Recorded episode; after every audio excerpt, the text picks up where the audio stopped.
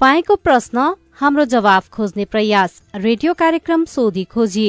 नमस्कार रेडियो कार्यक्रम सोधी खोजीमा तपाईँलाई स्वागत छ। म सजना तिमल सिन्हा। तपाई यो कार्यक्रम सामुदायिक रेडियो प्रसारक संघ अखराबद्वारा संचालित सामुदायिक सूचना नेटवर्क सीआईएन मार्फत देशैभरिका सामुदायिक रेडियोबाट सुनिरहनु भएको छ। साथै सीआईएन खबर डट कम र मोबाइल एप सीआईएनमा पनि यो कार्यक्रम सुन्न सकिन्छ। आम नागरिकमा लक्षित कल्याण र समुन्नतिका लागि प्रजातान्त्रिक पद्धति अपनाई कानून बमोजिम संचालित कुशल पारदर्शी र जवाफदेही युक्त शासन प्रणालीलाई सुशासन भनिन्छ। सुशासनले विधिको शासनमा विश्वास गर्दछ। शासन सत्तामा रहेका व्यक्तिले देश र जनताको सेवकको रूपमा आफूलाई नबुझेसम्म सुशासनले मूर्त रूप लिन सक्दैन। अनि सुशासनमा सार्वजनिक सेवा प्रवाह गर्ने राज्य यसका निकाय र सिंह प्रशासन तन्त्रले देश र जनताको भलाइका लागि काम गर्न निस्वार्थ रूपमा छिटो एवं छरितो सेवा प्रवाह गर्नुपर्दछ तपाईँले ती सेवा कसरी पाइरहनु भएको छ? तपाईँका सवाल र सेवालाई नागरिक मैत्री बनाउन केही प्रश्न तथा जिज्ञासाहरू छन्? तपाईँले सीआईएनमा पठाएका तीनै प्रश्न जिज्ञासाको हामी जवाब खोज्नेछौ। तपाईँले गरेको प्रश्न सवाल हो। सवालको जवाफ कसले दिन्छ? यी जम्मै सवालको प्रमुख जिम्मेवार को हो? हामी जिम्मेवार निकाय र व्यक्तिलाई सोध्ने मात्रै छैनौं त्यसको खोजी पनि गर्नेछौं। तपाईँको प्रश्नको उत्तर मात्रै खोज्ने छैनौं त्यसपछि त्यो सवाललाई टुङ्गोमा पुर्याउन के भइरहेको छ त्यसको पनि सोधी खोजी गर्नेछौ। हाम्रो टेलिफोन नम्बर शून्य एक बान्न साठी छ चार छमा फोन गरेर रेकर्ड गर्नुहोस्। यो नम्बरमा तपाईँले जुनसुकै बेला फोन गरेर आफ्नो प्रश्न रेकर्ड गर्न सक्नुहुनेछ। तपाई प्रश्न राख्नुहोस् हामी जवाफ खोज्नेछौ कार्यक्रम सोधी खोजीमा। देश संघीयतामा गएपछि सात सय त्रिपन्नवटा स्थानीय सरकार छन्। सात प्रदेश सरकार र केन्द्रमा संघीय सरकार छ। संघ प्रदेश र स्थानीय सरकारबाट सम्पादन हुने काममा ढिला सुस्ती छ अनियमितता भएको छ नियम मिचेर कसैले काम गरेको छ भने तपाईँले ती गुनासा सीआईएनमा राख्न सक्नुहुनेछ। घर दैलोमा सरकार पुगेपछि नागरिकले प्रभावकारी सेवा पाउने र विकासको कामले प्राथमिकता पाउने आशा गरिएको थियो। के नागरिकले त्यही आशा अनुसारको सेवा पाइरहेका छन् छैनन् भने ती प्रश्न पनि तपाईँले राख्न सक्नुहुनेछ। आजको कार्यक्रममा हामी सामाजिक सुरक्षा कोषका प्रवक्ता उपकार्यकारी निर्देशक विवेक पन्थीसँग कुरा गर्छौ। नमस्कार मेरो नाम प्रसाद म गुन्डेज प्रदेश नलपरासी पुस्ता पूर्व नगरपालिका वार्ड नम्बर दुईबाट मेरो प्रश्न सामाजिक सुरक्षा कोषमा एउटै कर्म एउटै कार्यालयका कर्मचारीहरू सबै खालका मान्छेहरू बराबर जान नपर्ने कारण के हो एउटै कर्मचारी एउटै कार्यालयका कर्मचारीहरू वर्कर लेभललाई चाहिँ सामाजिक सुरक्षा कोषमा जानै पर्ने र वर्करभन्दा माथिल्लो लेभलकालाई चाहिँ सञ्चय कोषमा नै जान पाउनु कारण के हो यो चाहिँ सल्लङ्ग पारिदिनु हुन्छ कि अनि अर्को कुरा सामाजिक सुरक्षा कोषमा जाँदा पैसा पठाउँदा पन्ध्र गतिभित्रमा नै पठाउनु पर्ने र पन्ध्र गतिभन्दा पछाडि पठाउँदाखेरिमा त्यस्तो सुविधा सुविधा पाइन्न भन्ने चाहिँ कुरा पनि हल्लामा सुनिएको छ वास्तवमा हो कि यदि पन्ध्र गतिभन्दा पछाडि तलब पाउने कर्म कम्पनीका वर्करहरूले त सुविधा पाउने चाहिँ बाटो बन्द हुन्छ नि त त्यसको लागि सल्लङ्ग पारिदिनु हुन्छ कि भन्ने मेरो जिज्ञासा म दुईवटा इस्यु उठाउनु भएको एउटा त कुनै पनि संस्थामा वर्कर लेभलको मान्छे सामाजिक सुरक्षा कसो आवेदन गर्ने माथिल्लो लेभलको हुनु नपर्ने हो कि भन्ने हिसाबले उठाउनु छ त्यस सम्बन्धमा सरमै लागु हुने क्षेत्रमा सरमै दुई हजार चौहत्तर लागु हुने क्षेत्रमा सबै कर्मचारी जुन क्षेत्रमा लागु हुन्छ जुन प्रतिष्ठानमा लागु हुन्छ त्यो प्रतिष्ठानका सबै कर्मचारी सामाजिक सुरक्षा कोष अनिवार्य आवेदन गर्छ।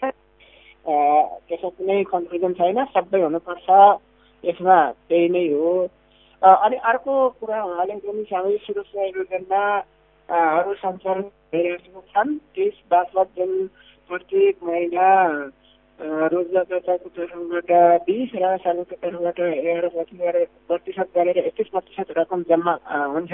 त्यो एकतिस प्रतिशत रकम सामाजिक योगदान आधारित सामाजिक सुरक्षा ऐनले नै महिना भुक्तान भएको पन्ध्र दिनभित्र सामाजिक सुरक्षा कोषमा जम्मा गरिसक्नुपर्ने भनेर भनेको छ त्यो हुनाले प्रत्येक महिना जस्तो वैशाख महिनाको पैसा जेठ महिनाको पन्ध्र गतेभित्र सामाजिक सुरक्षा कोषमा आइसकेको हुनुपर्छ। आयो भने त्यसलाई नियमित मानिन्छ। यदि वैशाख महिनाको पैसा जेठ पन्ध्र गतेभित्र आएन भनौँ बिस पच्चिस गते आयो भने यदि पन्ध्र गते र त्यो पच्चिस गते जुन ग्याप हुन्छ त्यो ग्यापमा कुनै एक्सिडेन्ट भयो भने त्यस्तो अवस्थामा उसबाट हुने जुन सुविधा हो त्यो उपलब्ध नहुने भन्ने व्यवस्था यिनमै छ अर्कोतर्फ जुन कतिपय योजनाहरू सामाजिक सुरक्षा कोषले चार किसिमका योजना सञ्चालन गरेको छ त्यो चार किसिमका योजनामा फरक फरक कन्डिसन छ अहिले मैले जसरी एक्सिडेन्टको कुरामा भने त्यस्तै एक नम्बरको स्किम योजना भनेको औषधि उपचार स्वास्थ्य तथा मातृत्व सुरक्षा योजना हो। त्यसमा तिन महिनासम्मको योगदान आइसकेपछि त्यो एक्टिभ हुन्छ र एकपटक एक्टिभ भइसकेपछि पुनः तिन महिनासम्म सामाजिक सुरक्षा पैसा नआए पनि अथवा नियमित नभए पनि तिन महिनासम्मलाई कभर गर्ने भन्ने छ। त्यस्तै अर्को योजना भनेको चार नम्बरको योजनामा पन्ध्र गति जम्मा गर्दा कुनै फरक पर्दैन। पन्ध्र गति पछि गर्दा पनि कुनै फरक पर्दैन। योजनाहरू हेरेर बिमाको केसमा जुन हामी एक दुई तिन भनौँ अथवा औषधि उपचार संस्था तथा मातृत्व सुरक्षा एक नम्बरमा भनौँ दोस्रोमा दुर्घटना तथा अशक्त सुविधा योजना छ तेस्रोमा आश्रित परिवार सुविधा योजना छ। यी तिनवटा योजनालाई हामी सामाजिक बिमामा बिमाको पैसाको केसमा उहाँले भने जस्तो यदि पन्ध्र गतिभित्र भने अथवा कुनै पनि महिना समाप्त भएको पन्ध्र दिनभित्र पैसा आएन भने त्यस त्यो आएन भने जुन तिन किसिमका योजना छन् ती तिन किसिमका योजनामा प्रभाव पार्छ। त्यो हिसाबले हामी पन्ध्र दिन अलिकति थोरै समय भयो कि भन्ने हिसाबले प्रयास पनि गर्दैछ। पच्चिस गते हुनुपर्छ भन्ने हिसाबले पनि छलफल गरिरहेको छ। त्यो पछि संशोधन भएर आइसकेपछिको व्यवस्था भयो। अहिले हालको केसमा सामाजिक सुरक्षा कोषमा नियमित रूपमा पन्ध्र गतेभित्र जम्मा गर्नुपर्ने व्यवस्था छ। उहाँले कर्मचारीकै लागि किन फरक भनेर जिज्ञासा राख्नु भएको छ? खासमा किन यस्तो फरक भएको? फरक नीतिगत रूपमा अथवा सामाजिक सुरक्षा कोषको तर्फबाट फरक होइन। ऐन कानुनले कुनै त्यस्तो फरक डिफरेन्स बिहेभियर गर्न खोजेको पनि छैन होइन। व्यवहारिक रूपमा कुनै प्रतिष्ठानले त्यस्तो गरेको हुनसक्छ त्यस्तो गरेको हो भने जस्तो कतिपय प्रतिष्ठानबाट निवेदन पनि आएका छन् होइन? कतिपय प्रतिष्ठानले सामाजिक सुरक्षा कोषमा आबद्धै नगरेको आबद्ध गरेर पनि योगदान रकम जम्मा नगरेको भन्ने जुन निवेदन आयो गुनासो आयो भने सामाजिक सुरक्षा कोषले नियमअनुसार आबद्ध गराउने योगदान रकम जम्मा गर्न लगाउने काम गर्दै आएको पनि छ त्यो गर्छ। तर एउटै प्रतिष्ठानभित्र अथवा लागु हुने क्षेत्रभित्र कोही आउने कोही नआउने भनेर कुनै पनि कानुनले सामाजिक सुरक्षा कोषका सम्बन्धित कानुनले परिकल्पना गरेको छैन। सामाजिक सुरक्षा कोष अन्तर्गत नेपाल सरकारका चाहिँ कर्मचारी र ब्याङ्कर्सहरूलाई चाहिँ त्यसमा सहभागी नगराउनु प्राइभेट सेक्टरमा काम गर्ने मजदुरको लागि मात्रै चाहिँ त्यसमा जानै पर्ने बाध्यता गराउनु यो के कति अन्याय कुरा हो कि न्यायिक कुरा हो? श्रम ऐनको तथा एकाउन्नदेखि सन्ताउन्नसम्म हामी हेऱ्यौँ भने उपदान बापत जम्माउनु पर्ने सञ्चय कोष बापत जम्माउनु पर्ने स्वास्थ्य बिमा बापत जम्माउनु पर्ने दुर्घटनाको बिमा बापत जम्माउने पैसाहरू रकम रकमहरू सामाजिक सुरक्षा कोषमा जम्मा गर्नुपर्ने भनेर उल्लेख छ। अहिले जहाँ ब्याङ्क तथा वित्तीय संस्थाका लागि शैक्षिक रूपमा छ भने अन्य क्षेत्रका लागि सामाजिक सुरक्षा कोषले ल्याएका योजनाहरूमा आबद्ध हुनु अनिवार्य विषय हो। कतिपय अवस्थामा व्यक्तिहरूलाई सामाजिक सुरक्षा कोषमा आबद्ध भइसकेपछि के के फाइदा हुन्छ भन्ने पनि थाहा छैन। के के फाइदा हुन्छ त्यो भनिदिनुहोस् न। सामाजिक सुरक्षा कोषले सञ्चालनमा ल्याएका चार किसिमका योजनाहरू छन्।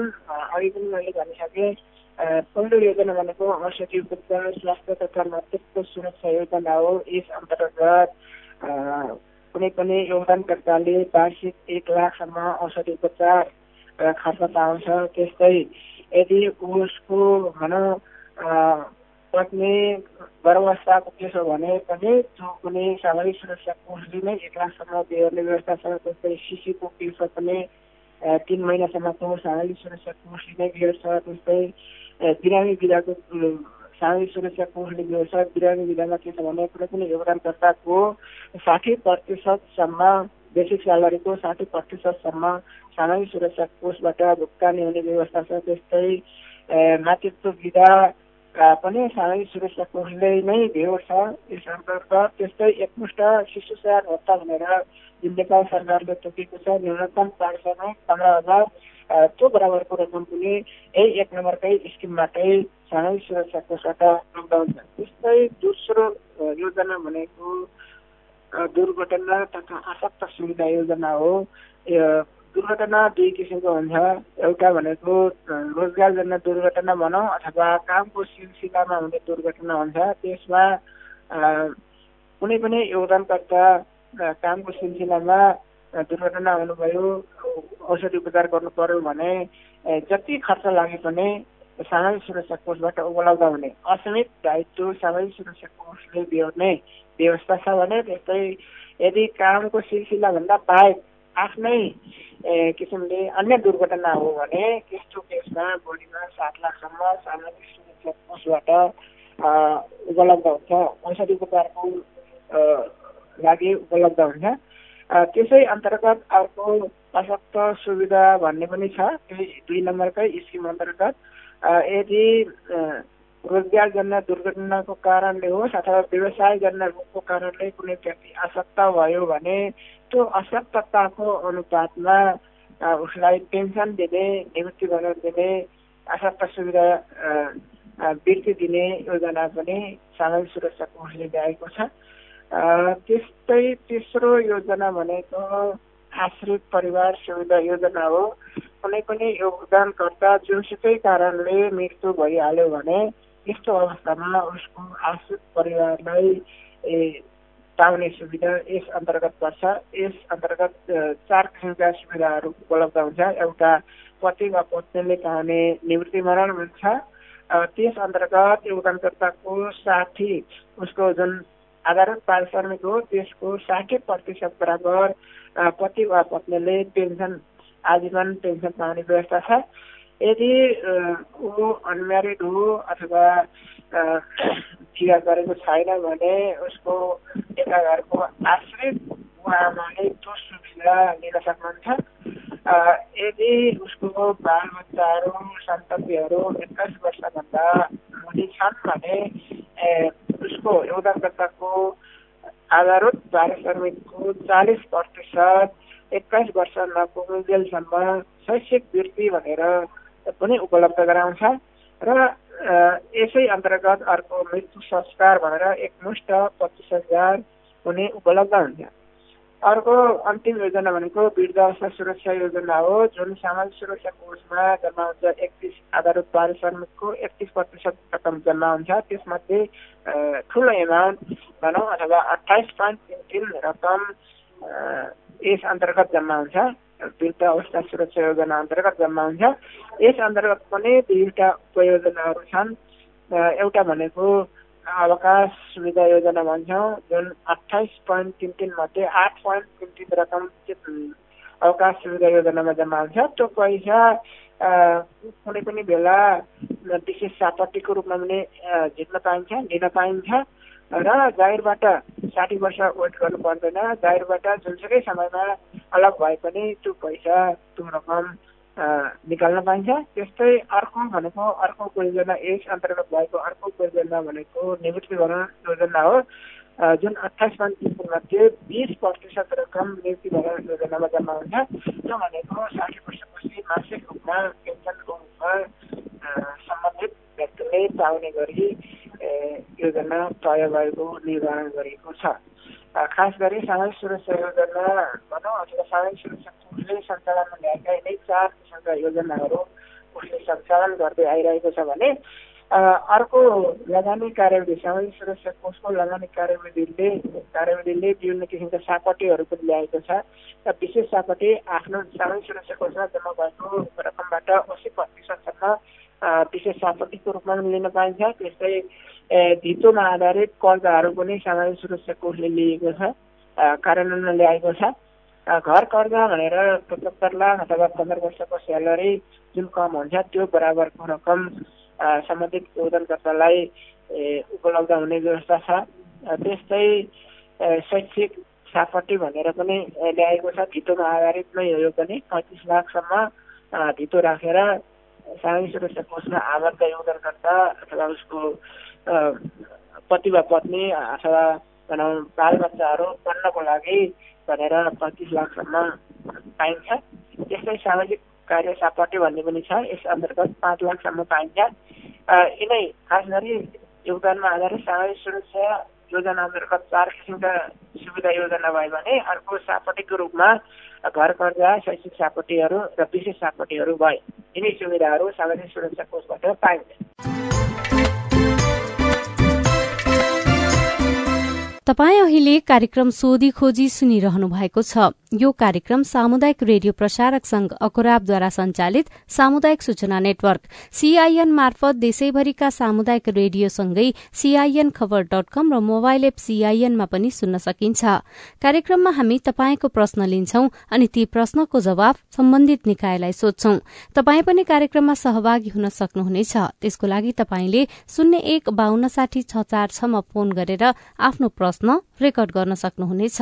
यो नम्बरमा तपाईँले जुनसुकै बेला फोन गरेर आफ्नो प्रश्न जिज्ञासा गुनासा तथा समस्या रेकर्ड गर्न सक्नुहुनेछ।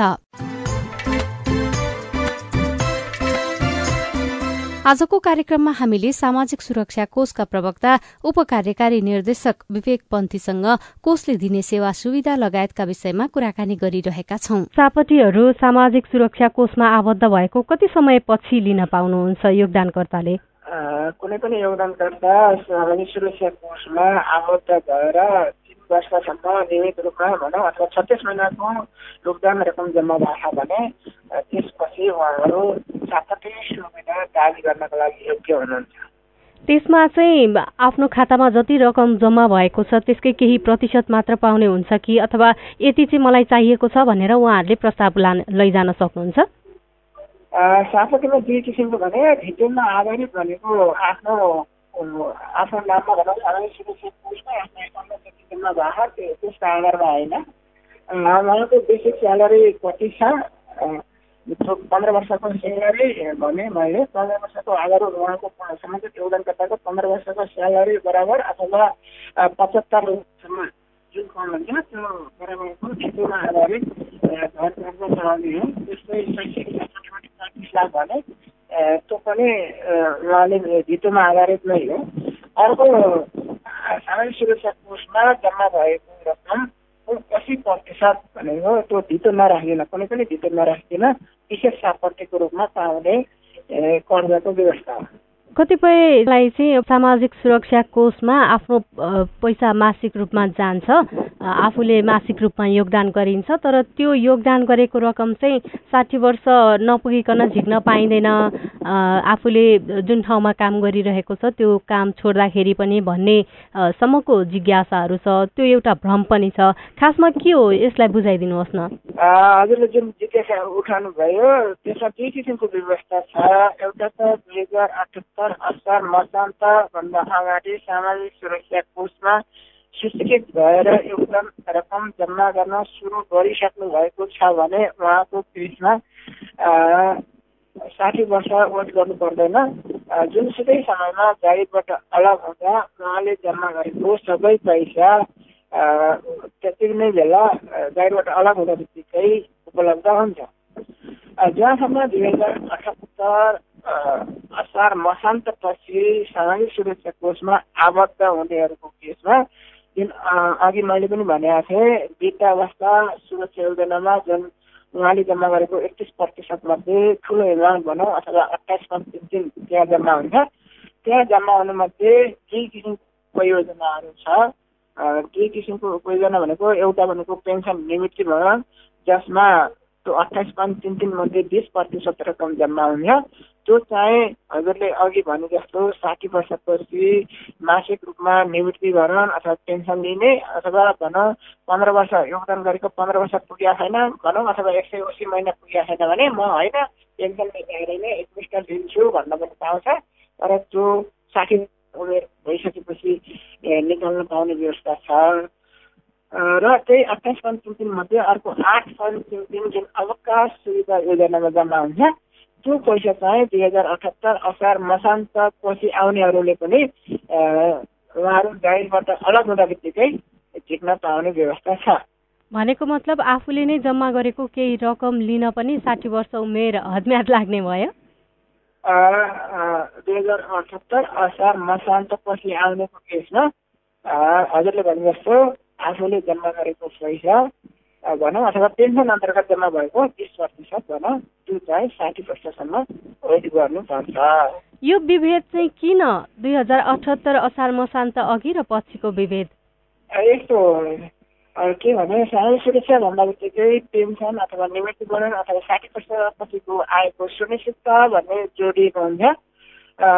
त्योभन्दा अगाडि हामी उपदानमा अभ्यासरत भएको हुनाले एउटा टाइमलाइन भनौँ एउटा डेटसम्म उपदान सबैलाई उपदान खुला गर। त्यसपछि पेन्सनलाई अनिवार्य बनाऊ भन्ने हिसाबले पेन्सन फर अल भन्ने जुन नेपाल सरकारको सोसल सेक्युरिटी फर अल भन्ने जुन नेपाल सरकारको अथवा अन्तर्राष्ट्रिय उसमै जुन ऊ छ त्यसलाई पुरा गर्नको लागि एउटा टाइम डेट लाइन राख्नुपर्ने हुन्छ। र साठी वर्षपछि यदि कुनै पनि व्यक्ति श्रम बजारमा छ योगदान गर्न सक्छ भने ऊ योगदानमा आधारित पेन्सन पाओस्। यदि सक्दैन भने अन्य नेपाल सरकारले सञ्चालनमा ल्याएका अन्य जुन सामाजिक सहयोगको नाममा पाउने जुन सुविधा हो पेन्सन हो भित्तभत्ता हो त्यो पाओस् भन्ने जुन नीति हो त्यो अन्तर्गतमै त्यो भए भएको हो। त्यो फरक भन्दा पनि एउटा हुन्छ नि बिए भन्दा पनि एउटा फरक दृष्टिकोण हो भन्ने हिसाबले मैले भने। जस्तै यसमा अब एउटा उदाहरण मैले दिन चाहेँ म चाहिँ मानौ दुई हजार अठहत्तर असार मसान्तपछि सामाजिक सुरक्षा कोषमा आबद्ध भएको छु। तर मैले यो बिचमा आज भोलि नै मैले अहिले जुन संस्थामा कार्यरत छु त्यो संस्था छोडेँ। त्यसपछि मैले कतै पनि काम गर्न चाहिनँ। यस्तो अवस्थामा मेरो जति रकम जम्मा भएको छ त्यो सबै मैले पाउँदिनँ। सबै पाउँदैन आठ पोइन्ट चाहिँ रकम पाइन्छ र बिस प्रतिशत जुन पेन्सनमा जम्मा हुन्छ त्यो रकम पाइन्छ। अनि त्यो साठी वर्षको उमेरसम्म म आफै बाँचिनँ भनेदेखि चाहिँ के हुन्छ? मृत्यु भइहाल्यो भने त पाइन्छ जतिकोले पाइन्छ अहिले पनि पाइन्छ। मृत्यु केसमा होइन। अन्य केसमा मात्र हो। कुनै व्यक्ति कुनै संस्थामा आबद्ध हुनुहुन्न तर उहाँ सामाजिक सुरक्षा कोषमा आबद्ध हुन चाहनुहुन्छ योगदानकर्ताको रूपमा। उहाँले कसरी सामाजिक सुरक्षा कोषमा जोडिन सक्नुहुन्छ? के छ भने जुन हजुरले स्वरोजगारमा रहेका व्यक्तिलाई आबद्ध गर्न सकिन्छ कि सकिँदैन भन्नुभयो। त्यस सम्बन्धमा कार्यविधि बनि बन्दैछ मस्यौदा तयार भएको छ। सामाजिक सुरक्षा कोषको सञ्चालक समितिले एउटा उपसमिति गठन गरेको छ। उपसमितिले अन्तिम चरणमा पुऱ्याएको छ। अब आउने आर्थिक वर्षको सुरुवातसँगै हजुरले भने जस्तो कुनै पनि रोजगारदाता अथवा प्रतिष्ठानमा संलग्न नभइकन आफ्नै व्यक्तिगत हिसाबले स्वरोजगारका हिसाबले सामाजिक सुरक्षा कोषमा आबद्ध हुने गरी सामाजिक सुरक्षा कोषले योजनाहरू सञ्चालन गर्नेछ सुरु गर्नेछ। अहिलेसम्म पनि सामाजिक सुरक्षा कोषमा आबद्ध नभएकाहरूलाई के भन्नुहुन्छ? यस्तो अब योगदान आधारित सामाजिक सुरक्षा भन्नाले एउटा नयाँ दृष्टिकोण पनि हो। मैले अघि पनि भने सोसल सेक्युरिटी फर अल सबैका लागि सामाजिक सुरक्षा हुनुपर्छ र साठी वर्षपछि आएको सुनिश्चित हुनुपर्छ पेन्सन फर अल हुनुपर्छ जो श्रम बजारमा हुनुहुन्छ रोजगारीमा हुनुहुन्छ। जसले योगदान गर्न सक्छ उहाँहरूले योगदान गरेर सामाजिक सुरक्षा सुनिश्चित गर्नुपर्छ निवृत्तिकरण अथवा साठी वर्षपछिको आय सुनिश्चित गर्नुपर्छ। जो गर्न सक्नुहुन्न जो श्रम बजारमा हुनुहुन्न जो एउटा गरिबीको लेभलभन्दा भनौँ आर्थिक लेभलभन्दा तल हुनुहुन्छ गरिबीको रेखामुनि रेखामुनि हुनुहुन्छ जो विपन्न हुनुहुन्छ उहाँहरूले सामाजिक सहयोगका नाममा विभिन्न सरकारले अथवा प्रदेश सरकारले, स्थानीय सरकारले योजनामा सहभागी हुनुपर्छ भन्ने जुन एउटा वृहत दृष्टिकोण राष्ट्रिय अथवा अन्तर्राष्ट्रिय क्षेत्रमाबाट जुन सामाजिक सुरक्षाको सम्बन्धमा हुँदै आएको छ। त्यही अनुसार नै सामाजिक सुरक्षाको योजनाहरू, त्यही जुन त्यही आकाङ्क्षालाई पुरा गर्न सामाजिक सुरक्षा कोषले सञ्चालनमा गएका योजनाहरूको मर्म हो। त्यो हिसाबले जुन श्रम बजारमा सबै हुनुहुन्छ अथवा श्रम जुन क्षेत्रमा लाग्नुहुन्छ उहाँहरूलाई सामाजिक सुरक्षा आबद्ध हुन र अहिले हाल सञ्चालनमा रहेका योजनाहरूलाई केही कस्ता सुधार गर्नुपर्ने पक्षहरू हुन्छ ती सबै सुधारहरू कमजोरीहरूलाई आउने दिनमा सुधार गर्दै अझै उहाँहरूका योगदानकर्ता मैत्री बनाउँदै जाने र यो यस बारेमा हामी सबै नेपाल सरकार र सबै सबैको उहाँ हुनुहुन्थ्यो सामाजिक सुरक्षा कोषका प्रवक्ता उपकार्यकारी निर्देशक विवेक पन्थी। कोषले गरिरहेको कामका बारेमा कुराकानी गर्दै। यो सँगै हामी कार्यक्रमको अन्त्यतिर आइपुगेका छौं। तपाईंलाई यो कार्यक्रम कस्तो लाग्यो? नागरिकले प्राप्त गर्ने सेवा र विकास निर्माणको कामलाई गुणस्तरीय र प्रभावकारी बनाउन के गर्नु पर्ला? तपाईँका केही सुझाव र टिप्पणी छन् भने हाम्रो टेलिफोन नम्बर शून्य एक बान्न साठी छ चार छमा फोन गरेर रेकर्ड गर्नुहोस्। यो नम्बरमा तपाईँले जुनसुकै बेला फोन गरेर आफ्नो प्रश्न जिज्ञासा गुनासा तथा समस्या रेकर्ड गर्न सक्नुहुनेछ। तपाईँ प्रश्न राख्नुहोस् हामी जवाफ खोज्नेछौ कार्यक्रम सोधी खोजीमा। यो कार्यक्रमलाई थप प्रभावकारी बनाउन तपाईँको सुझाव महत्वपूर्ण रहनेछ। हेलो सीआईएनमा हरेक दिन र रेडियो कार्यक्रम मार्फत अर्को हप्ता तपाईँका प्रश्नको जवाफ खोज्दै आइपुग्नेछौ। आजका लागि प्राविधिक साथी सुनिल राज भारतलाई धन्यवाद। अहिलेको रेडियो कार्यक्रम सोधी खोजीबाट सजना तिमल सिना विदा हुन्छु। प्रश्न सोध्न अप्ठ्यारो नमानौ। नमस्कार।